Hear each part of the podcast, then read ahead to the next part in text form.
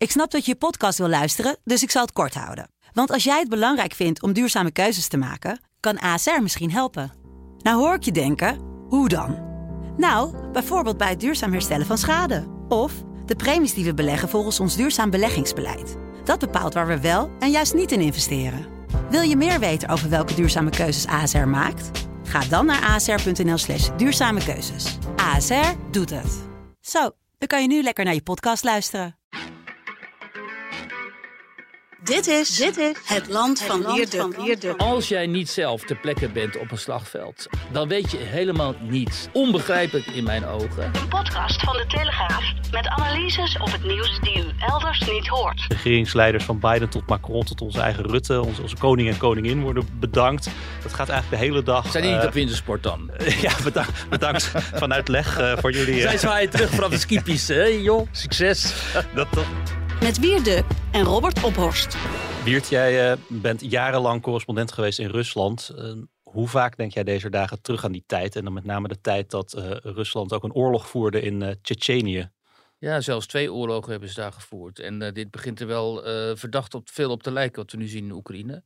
Hè, dat heb ik ook eigenlijk de hele tijd voor gewaarschuwd vanaf het begin. Kijk, in het begin proberen die Russen dan altijd eh, met min of meer chirurgische acties, eh, aansla, aanvallen, zo'n oorlog te voeren. Maar dat mi- mislukt dan meestal.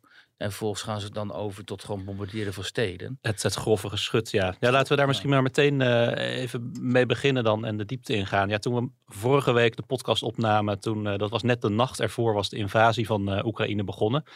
Jij was toen net als eh, zoveel verrast en geschokt, vertelde je. Verrast dat Rusland zich niet alleen militair richtte op de Donbass-regio, maar dat het Oekraïne grootschalig en van drie kanten aanviel. Eh, geschokt ook omdat het weliswaar een van de scenario's was die eh, vooraf op tafel lagen. Maar je ergens toch nog had gehoopt, eh, zei je dat Poetin niet zo destructief zou zijn om voor die massale aanval te kiezen. Nou, dat heeft hij wel gedaan.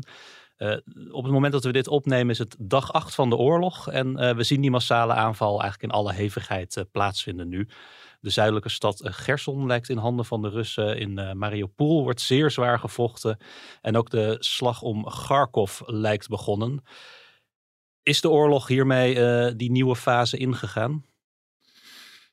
Nou ja, daar ziet het wel naar uit als je die beelden ziet van eh, hè, bijvoorbeeld Kharkov, maar ook een, eh, een, een, buitenwijk van Kiev, waar je die echt ehm, gebombardeerde flatgebouwen ziet. Gerson, dat is ingenomen, er is echt zwaar gevochten rond Mariupol en zo. Dus dan, dan zie je toch wel dat scenario zich uitrollen, waarin de Russen in ieder geval tot doel hebben om belangrijke steden in te nemen. En kijk, het echte cruciale moment komt natuurlijk bij de slag om Kiev. Hoe zal dat gaan? Zullen de Russen inderdaad besluiten om die bombardementen uit te, brei- te breiden en echt Kiev te bombarderen, net zoals ze dat met de Grozny destijds hebben gedaan, de hoofdstad van eh, Tsjetsjenië, en zoals ze dat ook in Syrië overigens hebben gedaan? Of zullen ze toch denken van ja, luister eens, wij komen hier semi als eh, bevrijders van het Oekraïense volk. Hè, we willen de, in de retoriek en in de propaganda van Rusland zijn de Russen daar, die Russische troepen, om de Oekraïners te bevrijden van een eh naziregime. En als je dat wilt eh beargumenteren en vol- wil houden, dan kun je natuurlijk niet eh, tienduizenden burgers Nee. ombrengen. Want dan bevrijd je ze bij wijze van spreken in een doodskist. En dat Ja. is niet zo handig. Dus misschien dat hen. maar ja, Poetin, kijk, ehm, je moet Poetin eigenlijk altijd op zijn woord geloven. En tot nog toe heeft hij eigenlijk altijd dat gedaan wat hij eh, heeft aangekondigd. Hij heeft nu aangekondigd, we gaan de all out. We gaan voor de volledige denazificatie en demilitarisering van Oekraïne. En we gaan de leiding van de leiders, de Oekraïnse leiders, gaan we oppakken en berechten. Of zelfs eh, doden waarschijnlijk, hè, vermoorden dan. En hij heeft in het verleden bewezen dat hij totaal niet onder de indruk is van het, ehm, het doden van burgers. Vergeet niet, hè, dat vergeet heel veel mensen vaak, hoe Poetin eigenlijk zijn macht eh, definitief in Rusland heeft eh, gevestigd. Dat was eh, destijds bij die ehm, Tweede Tsjechische Oorlog toen in Rusland een aantal flatgebouwen eh, werden opgeblazen. In Moskou onder andere, maar ook elders. En de argumentatie was destijds dat zijn Tsjechische terroristen die dat hebben gedaan.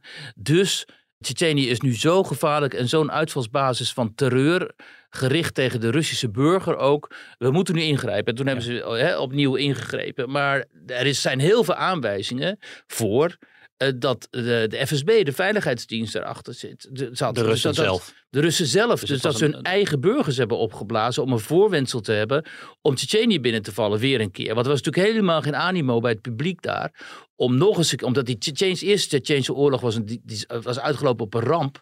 En er was geen enkele animo bij het publiek om dat nog eens een keer te gaan doen. Maar ja, de mensen waren toen zo bang na die bomaanslagen en zo veront- en boos ook, dat ze zeiden, ja weet je, eh, doe nu maar, want ehm, eh, wij zitten anders, eh, zometeen zijn wij de volgende die opgeblazen worden. Nou, de cynische kan natuurlijk niet. En die aanwijzingen zijn echt heel sterk dat de FSB erachter zat. Achter zat. Onder andere, ik zal het toch even uitleggen bij het publiek. Onder andere omdat in Ryazan bewoners van een pand destijds net op tijd de explosieven vonden bij hun in de kelder. En toen ben ik daar met een Franse collega naartoe gereden heel snel. En we met die bewoners van dat flatgebouw gesproken. En die zeiden, ja, we weten zeker dat dat gewoon een explosief was. En we hebben ook mensen zien weglopen. En we zijn gewoon net op tijd geweest, anders waren wij ook opgeblazen. Nou, dat window of opportunity om met die mensen te spreken duurde één dag. Toen moesten ze hun mond houden van de veiligheidsdienst. Toen kwam Patrushev, die destijds van de veiligheidsdienst was, de baas, die nu nog een van de vertrouwelingen van Poetin is. Die kwam naar buiten en die zei, ja, dat was geen explosief. Dat was suiker wat ze hebben gevonden. En het was een test van ons, van de FSB, om te, te kijken of onze bevolking wel alert genoeg is. Die mensen hadden dus net twee dagen in een, in een eh, gymzaal gezeten, helemaal koud. Want die waren allemaal geëvacueerd.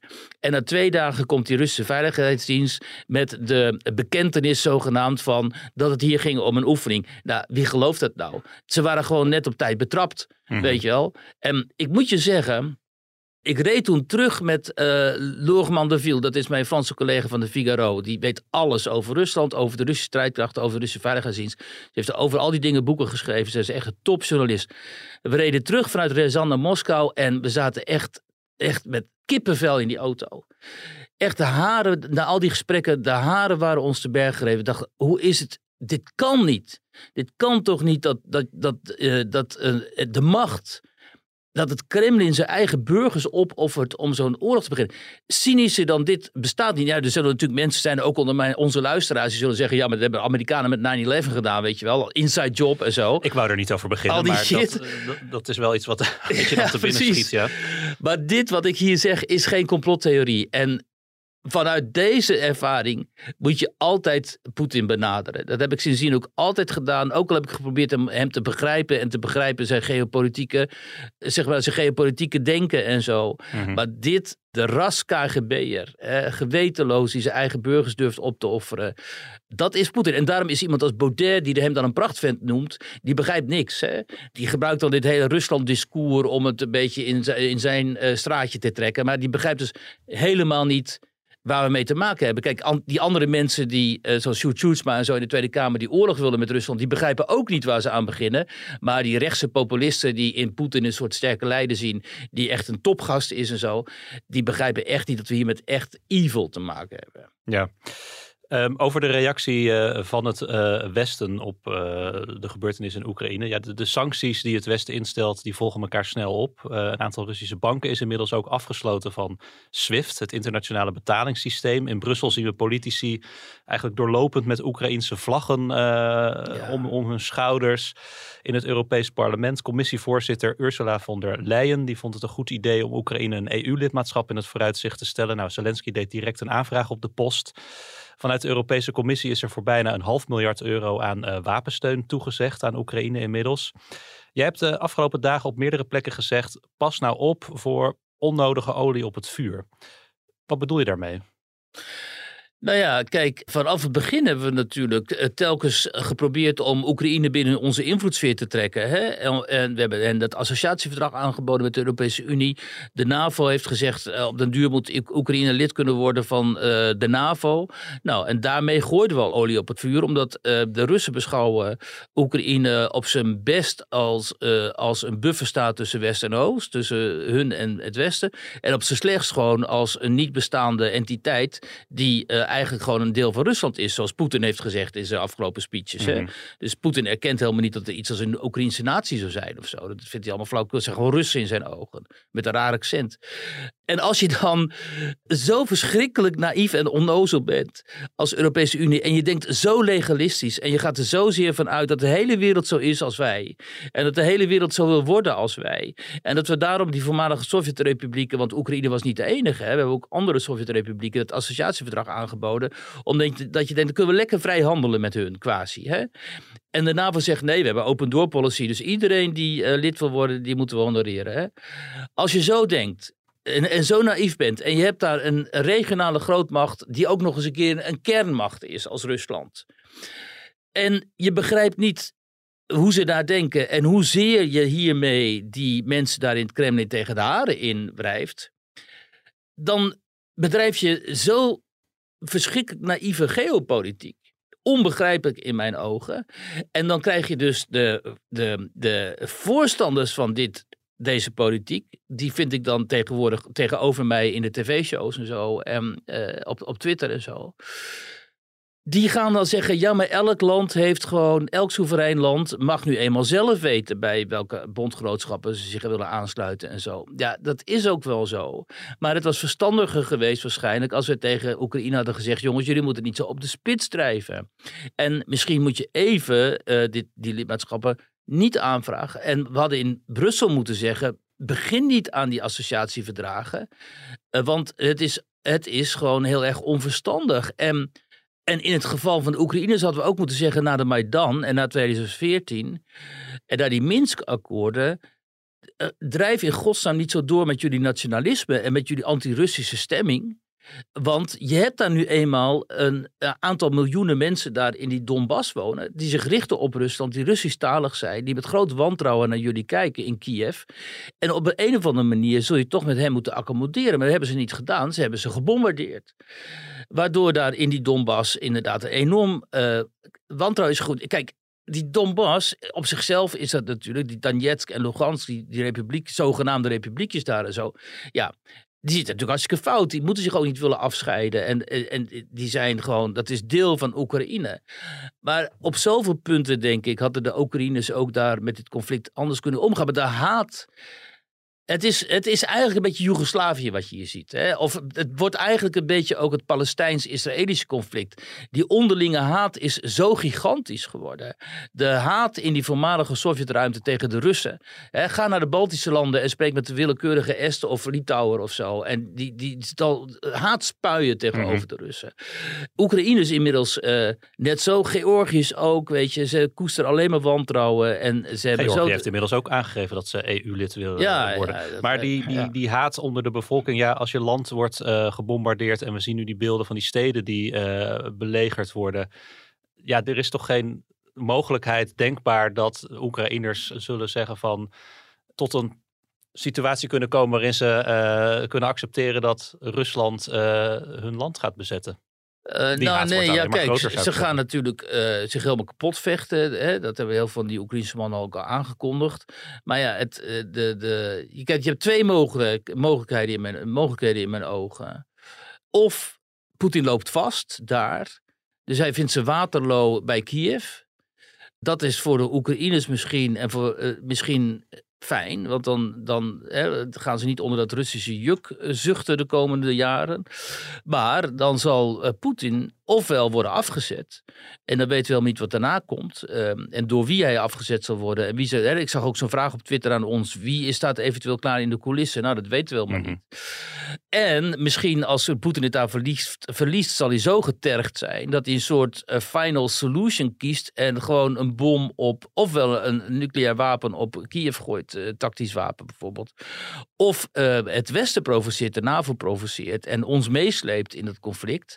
Hè, door bijvoorbeeld bijvoorbeeld iets in uh, doelen, NATO-doelen in de Baltische landen te bombarderen of zo. Dus dat is al. Als Rusland het verliest, wordt het al heel problematisch voor ons. Als Rusland het wint, wordt het ook problematisch voor ons natuurlijk. En dan, is, dan moeten we er eigenlijk op, op hopen dat het zal blijven bij een opdeling van Oekraïne. Dus dat uh, Poetin genoegen neemt met het oosten. Met de oostelijke Russische. Dat, is eigenlijk dat zijn de Russian lands. Dat, zijn, dat is eigenlijk hij, hij, wat, waar hij op zoek is, is naar een hereniging van, van de Russische gebieden. Daar komt het op neer. En het oosten beschouwt hij als die Russische gebieden. En het westen, ja, dat is in zijn ogen toch meer Polen, eh, Slowakije, Roemenië, weet je wel, die landen die daaraan grenzen. Dus dat hij zegt, oké, weet je wat, doe maar wat je wil met het westen. Maak maar Lvov, daar, of Lviv heet dat tegenwoordig, Mhm. eh, je eigen hoofdstad van West-Oekraïne. Maar wij nemen het oosten. En dan moet er onderhandeld worden en dan wordt Oekraïne opgedeeld. En dan, dan mag je hopen dan dat het daarmee klaar is. Maar eh, dat klinkt allemaal heel cynisch natuurlijk. Alleen ik geloof dat je heel cynisch of heel nuchter en, en, Ja. en eh, afstandelijk naar dit conflict moet kijken. Omdat als je er met zoveel emotie ingaat, zoals ons parlement bijvoorbeeld en Ursula van der Leyen en dergelijke. Ja, dan zit je in, in feite die eerste, die eerste optie uit te lokken. Namelijk dat Oekraïne dit uiteindelijk toch verliest. Maar dat wij eh, niet bereid zijn om eh, te onderhandelen. En de Oekraïners ook niet, Zelensky ook niet. Om tot een soort van overgave te komen. En dat Poetin dan all-out gaat. Hè? En dan ben je dus heel Oekraïne kwijt. Ja. Vooraf had Poetin misschien ook gedacht dat het Westen meer verdeeld en eh, meer wijfelend zou reageren. Dat, dat komt ook vaak terug hè, in analyses. Je ziet dat ook in de reacties, eh, ook bij ons, ons kabinet. Van nou, eh, als Poetin had gedacht dat hij ons zou verdelen, hij heeft ons juist verenigd. Denk jij dat ze daar in het Kremlin ook zo over denken? Dat ze geschrokken zijn van de reactie van het Westen? Nee, ik denk dat ze wel eh, verbaasd zijn over de weerstand in Oekraïne. En het ziet er naar uit dat Poetin zo slecht gebriefd is hierover, kennelijk door mensen die bang voor hem zijn, dat hij dacht dat dit toch wel op te lossen was met een blitzkrieg of dat de Oekraïne zichzelf zou laten veroveren. En dat gebeurt helemaal niet. Dus ik denk dat hij, eh, dat, hij dat wel heel vervelend vindt. Maar vergeet niet eh, dat ehm, ook Tsjetsjenië liet zich destijds niet zomaar veroveren. Dat was ook geen walk-over, wat ze wel hadden gedacht. En toch eh, hebben ze daar gewoon, nadat de hele boel was platgegooid, de Russische macht eh, hersteld. En ik denk dat hij er zo naar kijkt. Ik denk dat hij ook wel weet dat uiteindelijk, als hij wil, heeft Rusland natuurlijk de militaire mogelijkheden om, eh, om eh, Oekraïne te onderwerpen. En omdat Rusland nu toch al een paria is internationaal, zal het hem ook niet zoveel uitmaken met welke inzet van welke wapens hij dat nodig acht. Mhm. Omdat eh, veel slechter kan, hij kan hier helemaal niet slechter uitkomen immers. Hè? Dus ehm, dat zal hem niet zo zorgen baren, denk ik.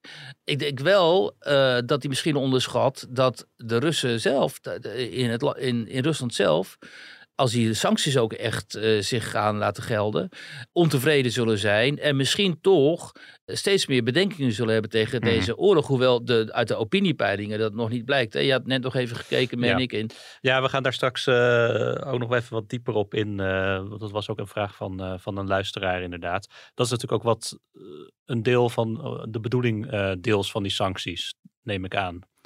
Ja, dat is, een, dat is precies dat die dus zo gaan raken dat uiteindelijk die eh, Russische bevolking eh, misschien wel in opstand komt. In ieder geval gaat, gaat morren.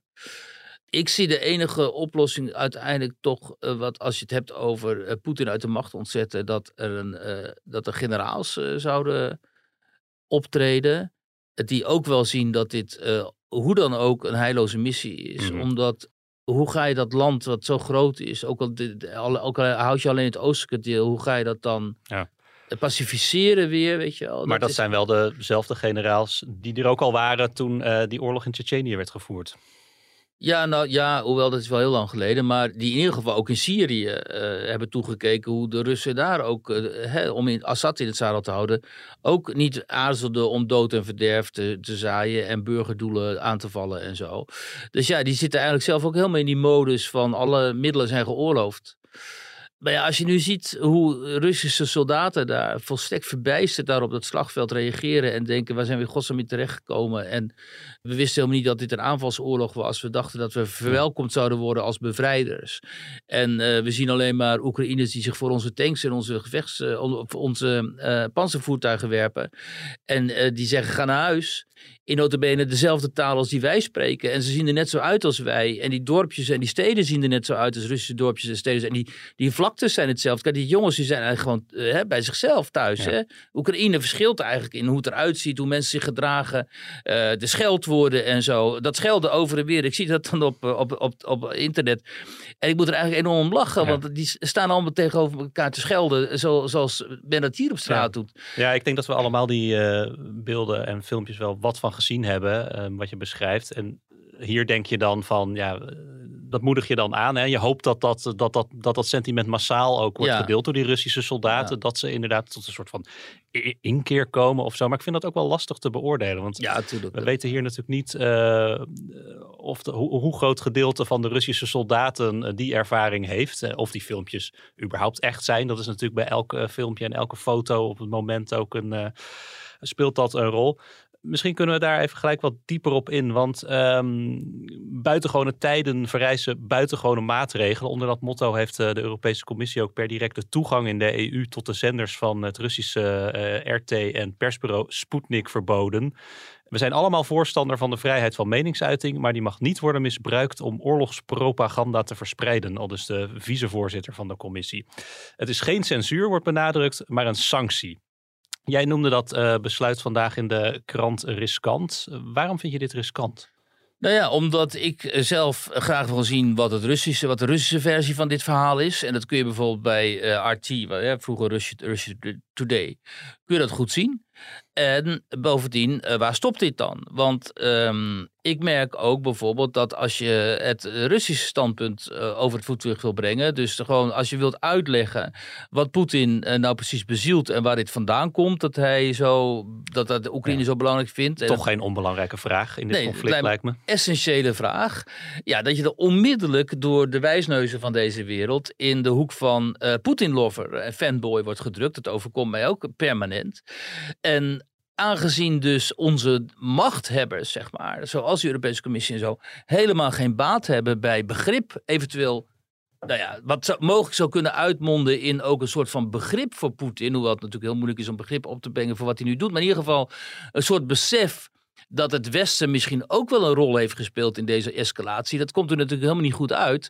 Dan is het natuurlijk de volgende stap om mensen zoals mij en eh, andere mensen die dit standpunt eh, onder woorden brengen, verdacht te maken en eventueel eh, te censureren. Kijk, ik weet dat een aantal mensen over die bijvoorbeeld heel veel aanwezig waren op het internet en op sociale media over corona en die er ook voor pleiten dat ook ehm, corona, eh, covid-crisis dat daarin ook andere mensen aan het woord zouden moeten komen.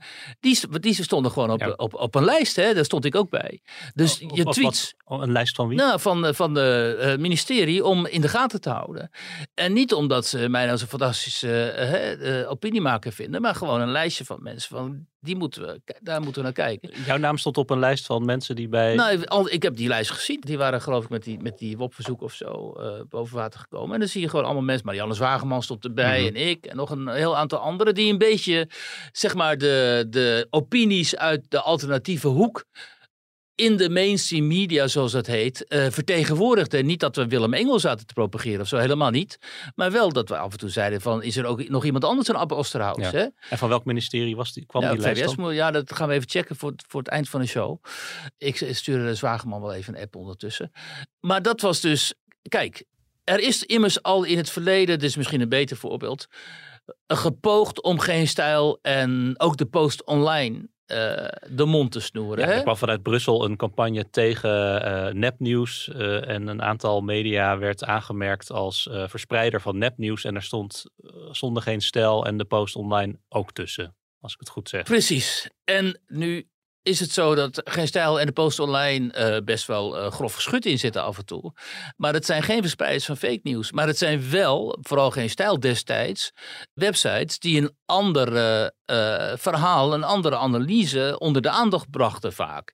En op het moment dat jij die dan kwalificeert als fake nieuws, dan maak je je schuldig aan framing natuurlijk. En, ehm, eh, en dit gebeurt telkens. Hoezo weet o Kajsa Olongren, wat weet hij in godsnaam van wat fake nieuws is en wat niet? Wat weet Ursula van der Leyen van wat fake... Die mensen die worden gebriefd door hun ambtenaren die vaak een agenda hebben hierin. Ik vind, eh, om terug te komen op die vraag, waarom ben je zo kritisch op het feit dat eh RT en eh Sputnik, wat echt Sputnik is echt verschrikkelijk trouwens, maar goed, dat die onder de sancties vallen. Nou, omdat ik vind dat overheden zich daar helemaal niet mee te bemoeien hebben. Wij weten zelf wel als volwassen burgers wat we willen zien en horen. We komen uiteindelijk toch zelf wel op dat nieuws terecht via allerlei omwegen. En ik vind het een, een, een hellend vlak. En een hellend vlak is bijvoorbeeld ook dat ik deze week een meneer eh, bij Op1 zag zeggen of hoorde zeggen dat eh, wat eh, Baudet deed, dat dat sowieso heel kwalijk is, vind ik ook heel kwalijk. En dat één stap verder zegt hij, dan ben je een landverrader. En die mensen werden in de Tweede Wereldoorlog opgehangen of geëxecuteerd. We hebben het in een iets verdere fase gewoon over verraad in plaats van nepnieuws. We gaan het ook over nepnieuws hebben. Maar voor dit soort dingen werden mensen in oorlogstijd opgehangen en, uh, en geëxecuteerd. Ja. Dus die, dat omslagpunt is wel iets wat je zorgvuldig moet bekijken. En Ja. als overheid ook wat van mag zeggen. Dat zei hij gewoon. Hè? En zonder tegenspraak. Hè? Er zat Gert-Jan Segers zat daar aan tafel. En eh, Jeroen Vullings van de NOS en zo. Ja. En niemand die zegt op dat moment... Wat zeg jij hier Dat eigenlijk? was wel een oud MIVD-baas ook, hè, die dat zei. De oud-MIVD, die sindsdien is hij dus een vast eh, gast daar in die shows. Die man die heeft dus gewoon gesuggereerd dat als eh, Baudet nog een paar stappen verder zou gaan. En ik heb verder niks met Baudet's analyse over Poetin. Nogmaals, ik heb gezegd dat hij totaal fout zit. Maar hij is wel een gekozen parlementariër. Dat als hij een paar stappen verder zou gaan, dan zou hij in een oorlogstijd worden geëxecuteerd of opgehangen. Dat is pure opruiing. En, en niemand die zegt, niemand ook van de journalisten aan tafel die zegt, kun je nog even herhalen wat je dat zegt en kun je het vervolgens misschien terugnemen? Niemand. Dus we zitten al in deze situatie nu. Ik heb vanochtend nog even gebeld met Jan Zwageman, die trouwens de, de term ehm, president-influencer heeft eh, gemunt eh, over de, eh, Zelensky, wat ik heel goed vind. Ja, Ehm, eh, nog even gebeld. En ze, eh, ja, zij maakt zich ook enorm zorgen. En inderdaad, ze appt mij nu van het was ministerie van VWS. En mensen, maar niet alleen wij, maar al onze collega's zouden zich zorgen moeten maken. En heel veel burgers zouden zich zorgen moeten maken. En ik vind het heel goed dat de NVJ, waar ik vaak niet zoveel mee heb, bij monden van Thomas Bruning heeft gezegd: dit kan niet, dit Ja, moeten we niet de- doen. En het was trouwens een omgevingsanalyse die drie keer per dag verschijnt. Juist. De NVJ is de Nederlandse Vereniging eh, voor Journalisten. Ja. Ja, even over die eh, influencer-president. Want daar wordt inderdaad de Oekraïense president Zelensky eh, mee bedoeld. Die, die lijkt ook goed te begrijpen dat PR ook een wapen is in de oorlog. Ik moet zeggen, ik vind het persoonlijk ook wel indrukwekkend hoor. Die filmpjes die hij dan stuurt vanuit Kiev. Hè, van wij zijn hier, Ja, ja. we blijven hier en we blijven vechten. Op zo'n op zo'n ochtend na een zwaar bombardement of zware gevechten. Dat is ook zijn boodschap nu. Nou, die gaat wel pal staan voor zijn land en eh, voor zijn burgers op dit moment. Ja. Op sociale media deelt hij ook voortdurend eh, de telefoontjes die hij voert hè, met regeringsleiders van Biden tot Macron tot onze eigen Rutte. Onze, onze koning en koningin worden be- bedankt. Dat gaat eigenlijk de hele dag. Zijn die niet eh, op wintersport dan? ja, bedankt, bedankt vanuit leg eh, voor jullie. Zij zwaaien terug vanaf de skipiste. Hé joh, succes. dat, dat gaat eigenlijk de hele dag We door. leven eh, mee. En nu gaan we weer in de skilift. Maar hij snapt wel dat dit een, een, een grote rol ook speelt in de beeldvorming. Zo lijkt het althans. Ja. Stond vanochtend een, eh, een- deze donderdag een profiel ook in de Volkskrant van hem. Met de passage: Alles wat eerlijkheid, menselijkheid en verzet symboliseert, komt samen in één figuur. Zelensky. Nou, Ja. het is een soort eh, adoratie, Eerlijkheid ook. adoratie Ja, die wij hier eh, inmiddels geloven, hebben. Ja. Vind jij hem ook zo'n held? Ja, kijk, dit, dit, dit fenomeen is zo interessant. En dat, is zo uit, dat zit er ook zo aan te komen. Kijk, mensen, hebben, be- mensen om zo'n conflict te begrijpen, willen ze een good guy en een bad guy. Nou, de beste bad guy überhaupt natuurlijk, geen betere, is eh, Vladimir Poetin. En die presenteert zich ook als de bad guy, gewoon bewust. En vervolgens heb je daar Zelensky, hè, die jonge man met zijn leuke gezin en zo. En die lijkt ook nog eens verschrikkelijk dapper te zijn. En dat is de ultieme good guy. En dan is het aan de journalist, aan de journalistiek. Ik begrijp heel goed voor de publieke opinie. Die heeft dat nodig. En die zien die Zelensky, dat is fantastisch. Hè? Met die, zijn pak heeft hij afgelegd. Hij heeft zijn legerkostuum aangetrokken. De groene shirts en zo. En vanuit die bunker. Ja, terwijl Eh, Poetin zijn, zijn staf eh, uitvoetert, zit hij Precies. eh, in een soort bearhug met zijn minister van Defensie. een soort mancave. En, hè, en zo van, eh, kom maar op. En zo. En we lusten jullie rouw. En, en hij roept ook heel, heel slim, doet hij dat ook, de westerse publieke opinie op. Doe meer voor ons. Maak ons lid van de EU. Maak lid van de NAVO. Hij zet ons enorm onder druk. En ja, dan merk je dat hij... En, en dat is dan het probleem. Dan merk je dat die generatie politici van ons... die alles vanuit de emotie doet zo ongeveer. Die is er enorm gevoelig voor. Dan gaan ze met z'n allen met de Oekraïnse vlag om in het Europese parlement zitten. Terwijl hij hen toespreekt. ehm, premier Rutte die noemt hem mijn maatje en zo. En eh, hè, mijn maatje zus, mijn maatje zo. En ondertussen krijgen het, hele, de, alle, vooral jongeren ook via die sociale media. Die, al, vooral ook al die jongeren die voor het eerst een, eh, een oorlog in Europa meemaken. Die krijgen natuurlijk beeld van een enorme heroïsche verzetstrijder. Die zich verzet tegen die Russische overmacht. Maar is hij dat niet ook dan? Ja, dat is hij ook wel. Alleen we vergeten dat nog maar een paar jaar geleden bijvoorbeeld uh, Zelensky enorm internationaal ook uh, onder druk stond. Um, omdat via al die, uh, die Pandora papers en de, dergelijke bekend was geworden dat hij ook offshore allerlei belangen had. Dat hij allemaal geld had verdiend met praktijken waarvan hij had gezegd die ga ik bestrijden. Hè, fraude, corruptie, zou die allemaal gaan, gaan bestrijden. En tot, onze, tot, tot onze niet geringe verrassing, nou althans niet die van mij, want ik ken het Oostblok een beetje en die uh, voormalige Sovjet-republieken, dat is bijna iedereen corrupt. Maar bleek dat hij daar gewoon ook uh, toch aan mee had gedaan, hè, tot teleurstelling van heel veel mensen.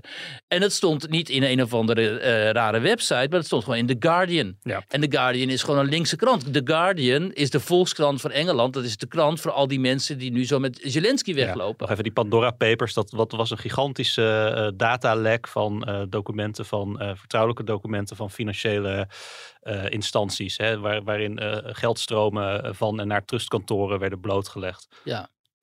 En het probleem is nu dat je de keuze moet maken: uh, moeten wij, moeten de media dan toch dat heroïsche beeld, zoals het nu ook geschetst wordt in de Volkskrant, wat kennelijk gewoon een propagandastuk is, moeten we dat nou nuanceren? Of moeten wij denken: nee, luister eens, ook wij zijn uiteindelijk in de oorlog met uh, Poetin. In Oekraïne worden de westerse waarden verdedigd. Dus, en wat ons publiek nodig heeft, zijn dit soort hagiografieën. Zoals in de, in de Volkskrant. Nou, de Volkskrant kiest daarvoor.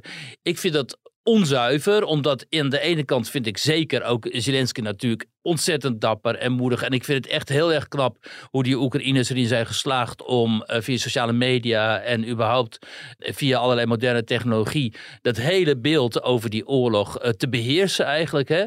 hoewel ze erin doorslaan, vind ik. Want al die soldaten die naar hun moeder bellen en mogen zeggen moeder haal mij op en zo, dat weten we nu wel. En op een gegeven moment gaat het natuurlijk ook, dan gaan mensen doorkrijgen. Hè? Dan gaan ze denken, ja maar weet je, dit, dit, dit neigt naar, het is natuurlijk propaganda, maar dan gaan ze denken, het neigt naar propaganda. Maar goed, het Kremlin zet er helemaal niks tegenover. Die stuurt alleen maar die beelden de wereld in van uh, Poetin die daar uh, zo'n ondergeschikte daar uh, nog net niet aan de hoogste boom knoopt.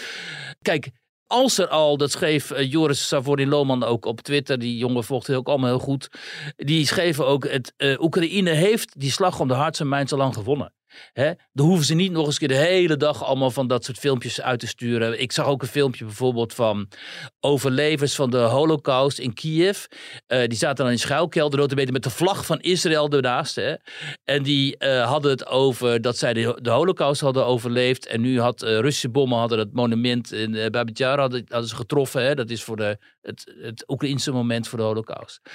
En hoe erg ze dat vonden. En dat die Poetin verschrikkelijk is. En dat hij naar huis moet gaan en zo enzovoort. Maar ja, het is zo duidelijk gestaged. Ik denk echt dat ze die oudjes gewoon ergens hebben opgehaald. In die kelder hebben gezet. Die Israëlische vlag ernaast. En één voor één mochten ze dan hun uh, ontzetting uiten en zo.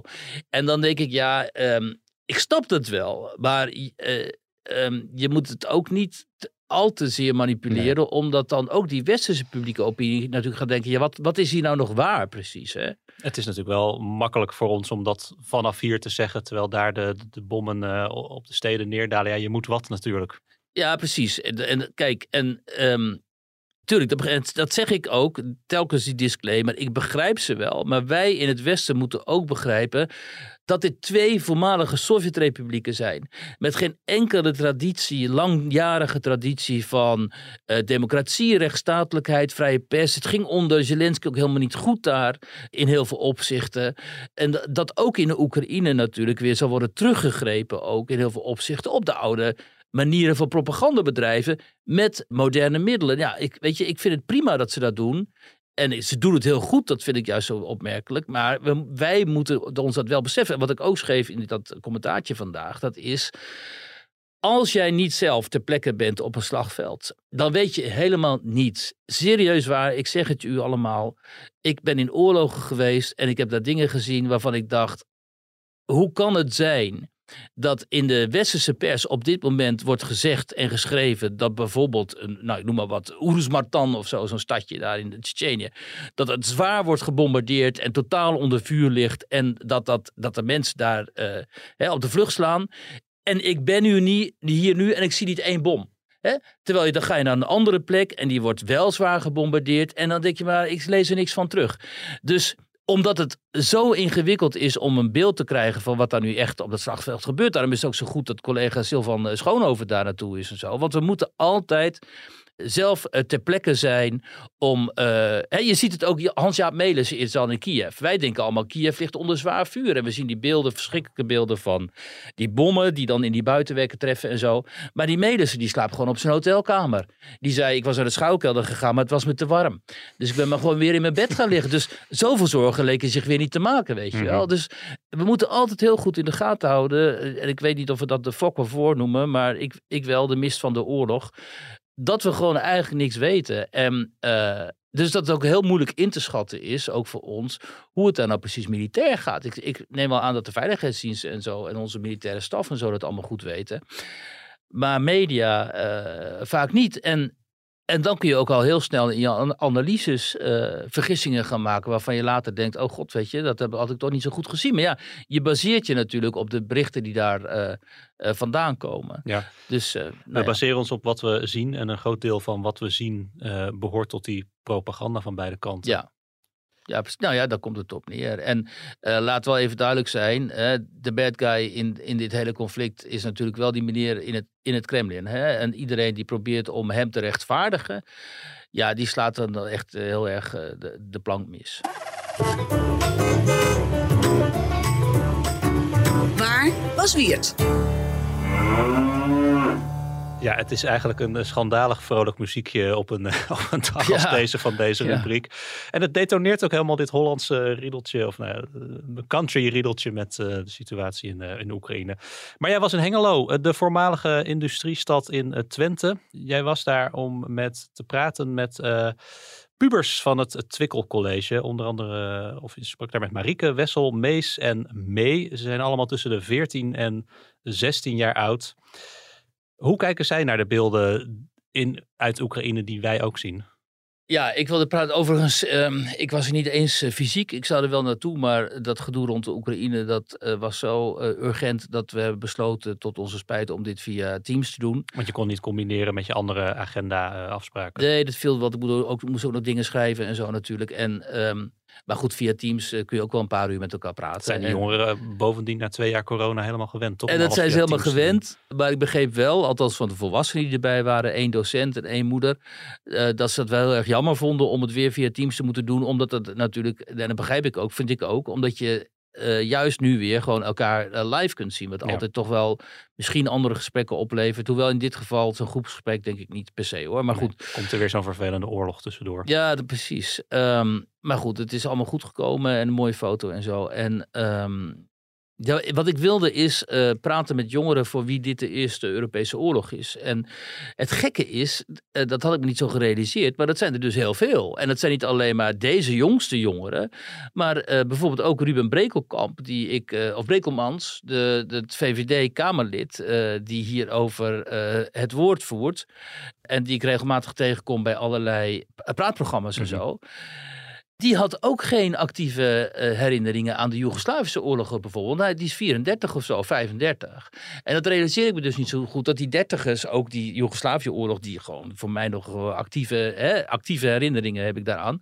Dat zelfs die dertigers die Joegoslavische crisis niet hebben meegemaakt. Dus, maar goed, uh, dat terzijde. Maar voor deze kinderen is dit natuurlijk de eerste oorlog die heel erg dichtbij komt. Ook door die sociale media. Die hadden we in de jaren negentig natuurlijk niet.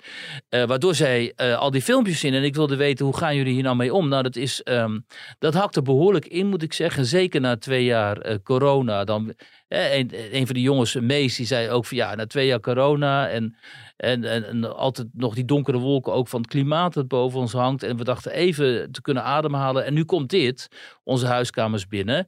Dat hakte echt uh, behoorlijk in bij hun. Ook omdat er uh, opeens die dreiging uh, bestaat dat die oorlog overslaat naar West-Europa. En dat Poetin op zondag gewoon begon te dreigen met die ja. atoomwapens. Hè. Ja. En dan schrik je natuurlijk ook het apenzuur als je dat niet helemaal binnen een context kunt plaatsen. Absoluut. Nou, ik schrok me ook het apenzuur. Ja, en ik meende het nog wel enigszins binnen een context te kunnen plaatsen. Maar kijk, we zien nu bij heel veel politici, hè, ook, uh, ook bij onze coalitie, van we moeten de defensieuitgaven weer verhogen. Nou, Duitsland heeft natuurlijk een historische, uh, in Duitsland hebben een historische wending gezien. Daar ging in één keer 100, werd in één keer 100 miljard toegezegd om uh, eh, 2% van de begroting, het, het, het NAVO percentage, budget, ja. Ja, budget ja. te halen. We moeten deutlich meer investeren in die Sicherheit unseres Landes um auf diese Weise unsere Freiheit und unsere Demokratie zu schützen. Der Bundeshaushalt 2022 wird dieses Sondervermögen einmalig mit 100 Milliarden Euro ausstatten. Wir werden von nun an Jahr für Jahr mehr als zwei Prozent des Bruttoinlandsprodukts in unsere Verteidigung investieren. Je ziet wel uh, bij heel veel mensen nu een besef van: oh, we hebben de, uh, onze krijgsmacht jarenlang uitgekleed en defensie jarenlang uitgekleed. Daar moeten we wat aan doen. Ja. Je zou kunnen zeggen, deze jongeren groeien nu op in een tijd met dat besef dus, uh, kennelijk. Dat de geschiedenis niet voorbij is, maar de geschiedenis zomaar op je, op je, voor je deur kan staan. Wat denk je dat dat doet met deze generatie? Nou, ik denk dat zij hierdoor wel het besef zullen krijgen dat uh, veiligheid en democratie en vrijheid, dat dat zaken zijn die je moet bevechten en die, uh, waarvoor je ook bereid moet zijn om, om die te verdedigen. Uh, alleen dat zit natuurlijk helemaal niet in onze hoofden en niet on, in onze mentaliteit. Ik zat gisteren bij half acht van Johnny de Mol. En die, Hij was weer terug, toch? Ja, hij was weer terug, hij was even ziek geweest. En uh, hij liet beelden zien van een, soort dorpje, stadje in Oekraïne. Waar dan de burgemeester de mannen had verzameld op het plein. En de burgemeester pakte hen toe en hij riep zo: uh, Zijn jullie bereid te vechten? Ik wel. Ja, die hele meute natuurlijk. Ja, natuurlijk. Hè, hand in de mm. vuist in de lucht en zo. Wij gaan vechten. En Johnny die schrok daar enorm van. Die was er echt heel erg verbaasd over. Die zei: Ik kan me helemaal niks bij voorstellen. Hè? En het grappige is, ja, misschien moet je wel in die landen zijn geweest. Of in dat type landen. Om, om, om je dat wel te kunnen voorstellen. Dat het volstrekt normaal normaal is als je land wordt aangevallen, dat je bereid bent om daarvoor te gaan vechten, om je land te verdedigen.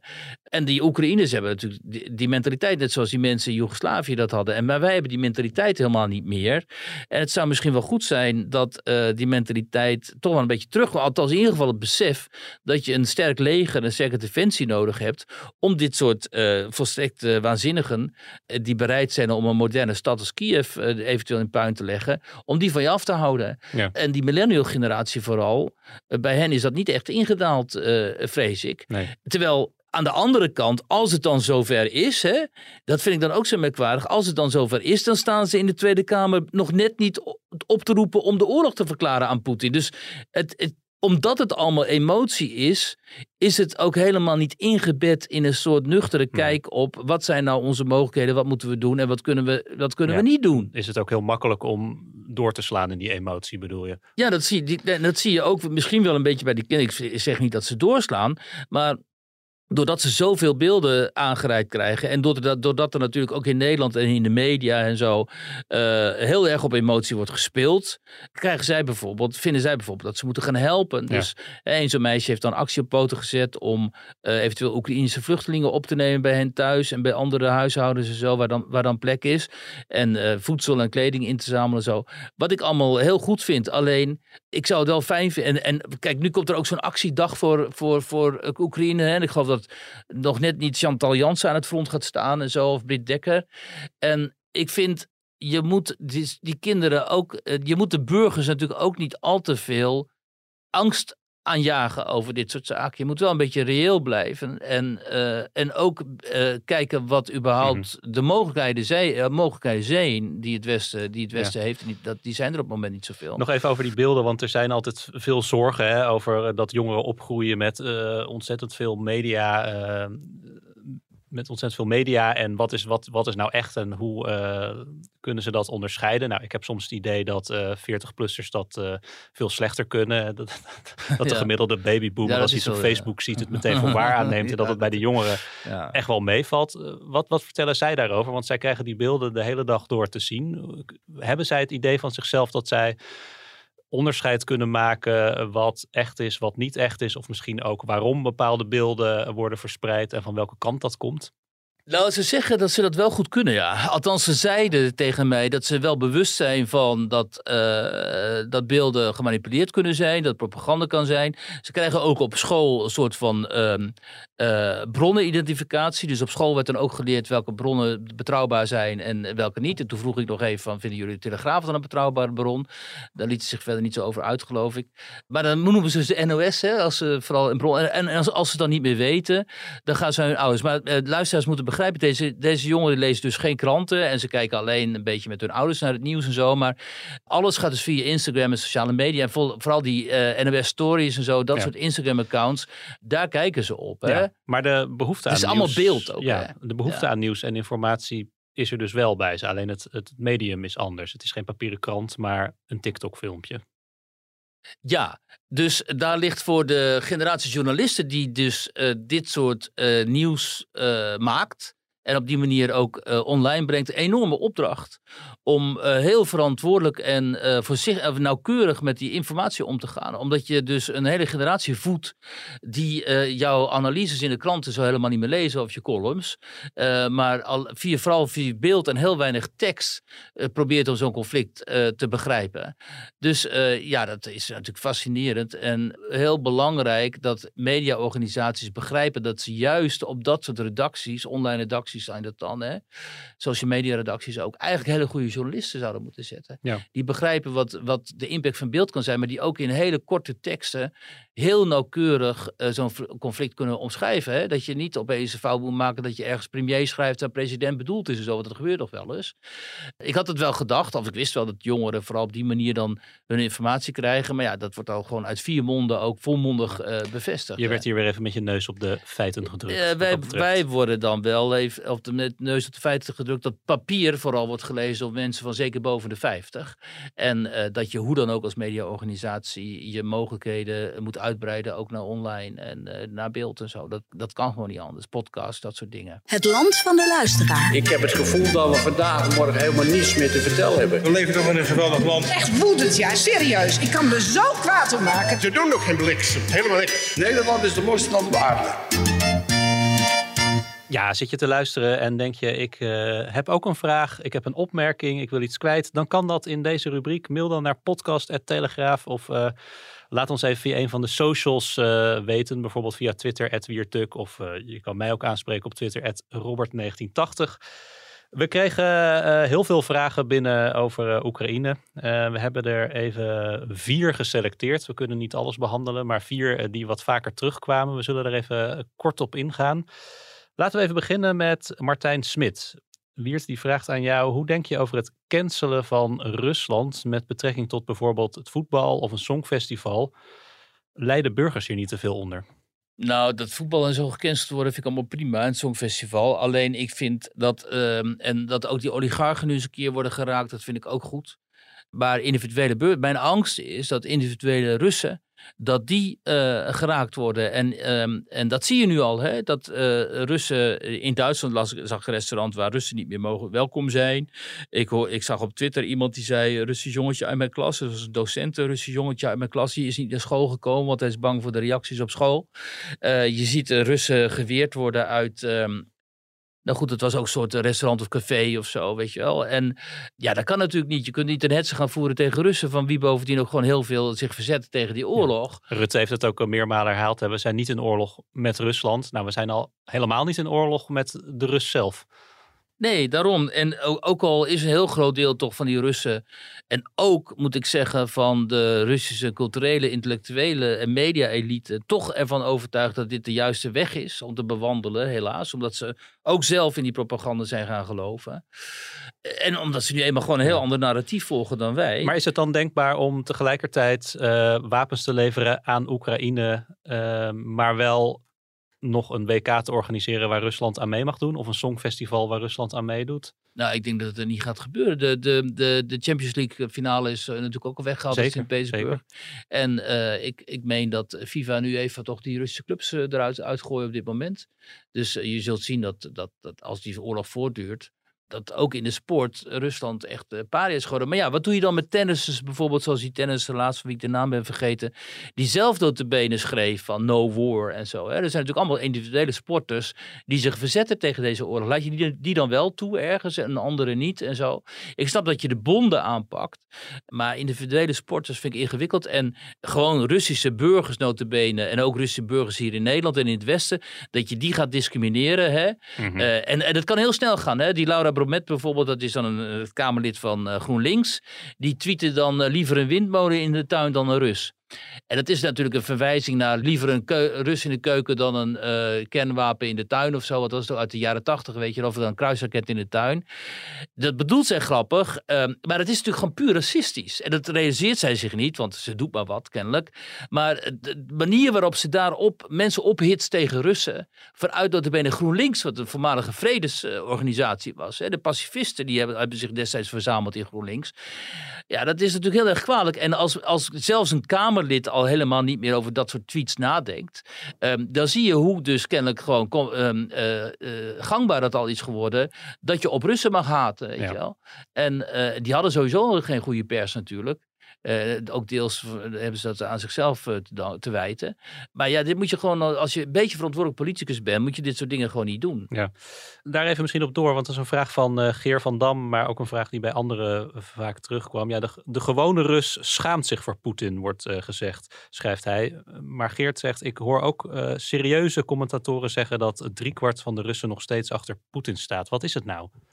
Kijk, die mensen denken gewoon anders. Eh, dat, dat, dat dringt mij niet door bij heel veel Nederlanders. Kan het ook naast elkaar bestaan? Eh, je schaamt je kapot voor Poetin en je wilt die invasie niet, maar tegelijkertijd sta je ook wel achter de gedachte erachter? Nou, zelfs dat. Zelfs dat zullen er Russen zijn. Ik, in principe steun ik het standpunt over Oekraïne wel, maar dit gaat mij te ver.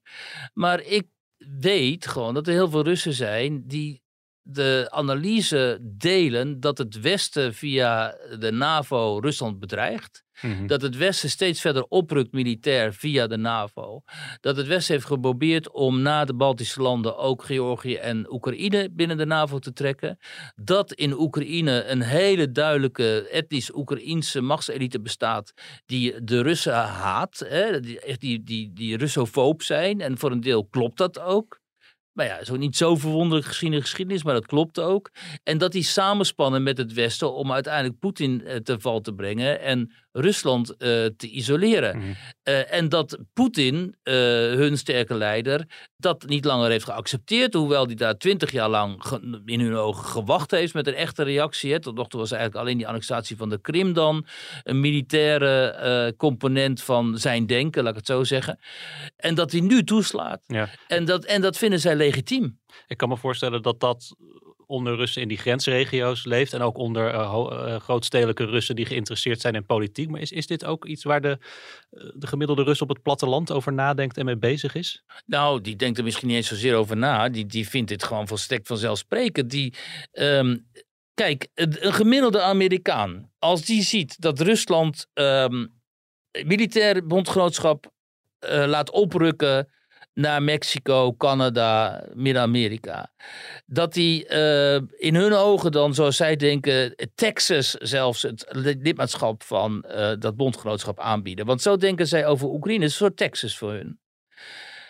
Dan zal de gemiddelde Amerikaan zeggen: ja, maar dit kan niet, we moeten wat doen. En die zal dan op een gegeven moment, want Amerikanen zijn wel gewend om militair in te grijpen, die zullen militair ingrijpen. Dus de, de gemiddelde Rus, die denkt dit. Die denkt, maar wat, jullie hebben toch precies hetzelfde gedaan? Die denkt, jullie hebben Joegoslavië gebombardeerd. Jullie hebben Irak zijn binnengevallen. Ten koste van wat? Totale destructie en verwoesting. Jullie hebben zeer tegen onze zin eh, Libië, van Libië een zwart gat gemaakt. Hè, door het te bombarderen. En Hillary Clinton stond te schreeuwen van, van plezier, hè, te kraaien van plezier. We came, we, we came, we saw, he Ja. died, al zei ze over, eh, over eh, hoe heette die, Gaddafi. Wat denk je dat dat doet met die Russen? Is dit, Nee, maar even serieus. Mensen moeten echt eens goed gaan begrijpen. Wat denk je dat dit Mhm. doet met de psychologie van een volk dat gewend is om 70 jaar lang zichzelf te zien als de tegenstander van die Amerikanen. De tegenstander van het Westen. En na de Koude Oorlog zien ze het Westen eh, inval na inval doen. Hè? En, en zich mengen in conflicten. En dictators zoals Gaddafi uitschakelen en zo. Natuurlijk denken die op een zeker moment. En zo meteen komen ze voor ons. Toen wij bommen gooiden op Servië, dachten de Russen. Zometeen gaan ze Ja. ons bombarderen. En wordt Poetin wordt de, de tweede Gaddafi. Is dit niet ook een, eh, een visie en een wereldbeeld die heel erg door Poetin en het Kremlin wordt gepropageerd al heel lang? Om zijn machtsbasis te versterken. Ja, ook. Uh, maar dit leefde ook al in de jaren negentig toen ik daar uh, werkte. En toen uh, Boris daar president was. En toen we daar een hele pro-westerse minister van Buitenlandse Zaken, André Kozyrev, hadden die volledig waren gericht op samenwerking met het Westen, proberen het Westen hè, tot een overeenstemming te komen en zo. Ook toen al had je telkens die momenten dat ze dachten, worden we hier nou opgelicht? Waarom luisteren ze niet naar ons? Waarom erkennen ze onze veiligheidsbelangen niet? Waarom wantrouwen ze ons? Hè? En dat is alleen maar erger geworden. En de verpersoonlijking natuurlijk van dit uh, type denken in het Westen voor hun zijn de Clintons. Ze voelen zich enorm bedrogen door de Clintons. En vooral die Hillary Clinton, die uh, Poetin uh, Hitler heeft genoemd. En die, wat ik net zei, stond te kraaien toen Gaddafi uh, werd vermoord. Ja, die, die, zien zij als de verpersoonlijking van het kwaad. Niet Poetin. Poetin is hun sterke leider die hen verdedigt. Clinton is voor hun de persoonlijke kwaad. Terwijl voor ons is, uh, voor onze liberale kringen is Hillary Clinton de gefavoriseerde presidentskandidaat nog altijd, geloof ik, in de Verenigde Staten. En is Poetin het kwaad? Nou, die twee wereldbeelden staan tegenover elkaar. Probeer die maar eens met elkaar in gesprek te brengen. Essentieel is, nogmaals, en ik, eh, wat ik de hele tijd zeg, dat je in ieder geval begrijpt waar die Russen, waardoor die Russen zo denken dat ze zelfs in staat zijn nu dit geweld dat Poetin inzet uh, te rechtvaardigen. En we weten allemaal hoe psychologie werkt. Als mensen eenmaal een positie hebben ingenomen en die ook nog eens een keer kunnen beargumenteren, die ga je echt, en gebrainwashed zijn ook voor een deel, dan ga je hen echt niet zo snel uit die positie halen hoor. Ja. Een uh, vraag van uh, Rick Verwij. Hoe kan het zijn dat de Russische troepen zo onvoorbereid zijn, terwijl Poetin toch al tijdig wist dat dit er, eraan zit te komen? En dan ja, doet hij denk ik op uh, het, het uh, stugge verzet wat ze nu uh, ontmoeten. En de beelden die wij zien van tanks die zonder brandstof komen te staan. En soldaten die eigenlijk geen idee hebben waar ze mee bezig zijn. Ja, dat is ook een beetje wat wij, onze militaire experts zeggen. Wat wij allemaal een beetje napraten en zo. En de vraag is ook wel of het ook niet een beetje, een beetje wishful thinking is dat ze zo slecht zouden zijn voorbereid. Wat we kunnen constateren is dat een deel gewoon vastloopt in de mhm. modder daar. Dat, is, eh, maar ja, dat is wel gebruikelijk bij dit soort grote operaties, geloof ik. En zeker als je met de Russen te maken hebt.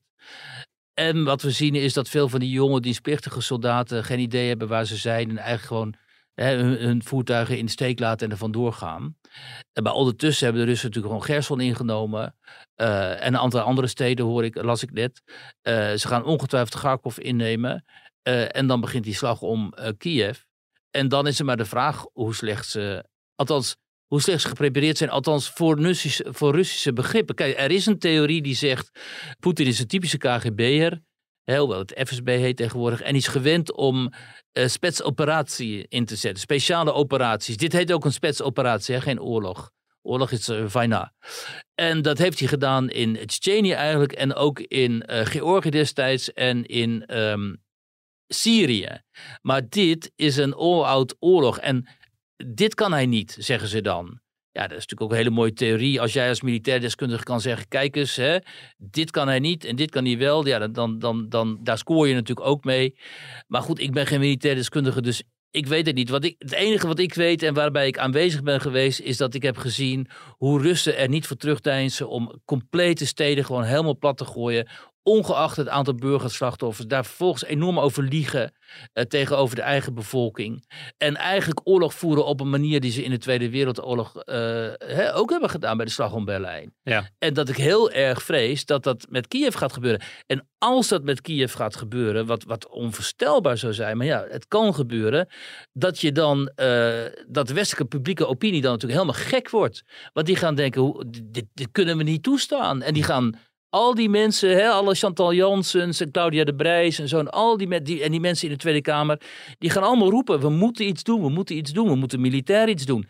En hoe lang gaan onze leiders dan die druk weerstaan? Want die, die publieke opinie zal aangevoerd worden eh, door mensen die ik net noemde. En die hebben allemaal uh, invloed. Hè? En die gaan ook politiek uh, druk uitoefenen. En dan uh, kan het heel, uh, scenario is, wordt dan heel reëel dat wij militair meegezogen gaan worden in deze oorlog. Voor zover we dat niet al zijn en voor zover we eigenlijk niet al lang aan het begin staan van een oorlog tussen het Westen en Rusland. Want zo zij eigenlijk wat nu gebeurt ook kunnen interpreteren. We gaan het uh, de komende dagen, weken en nou, misschien wel jaren volgen. Ja, dit is echt wel een beetje het eind van de wereldoorlog zoals we die kenden. En ook al gaat die oorlog op een gegeven moment stoppen. Uh, Rusland is hoe dan ook een uh, paria. En zolang Poetin daar zit, uh, is alles anders. Echt, de hele wereldorde is, staat op zijn kop op dit moment. Wiert, dankjewel. Dank jou wel.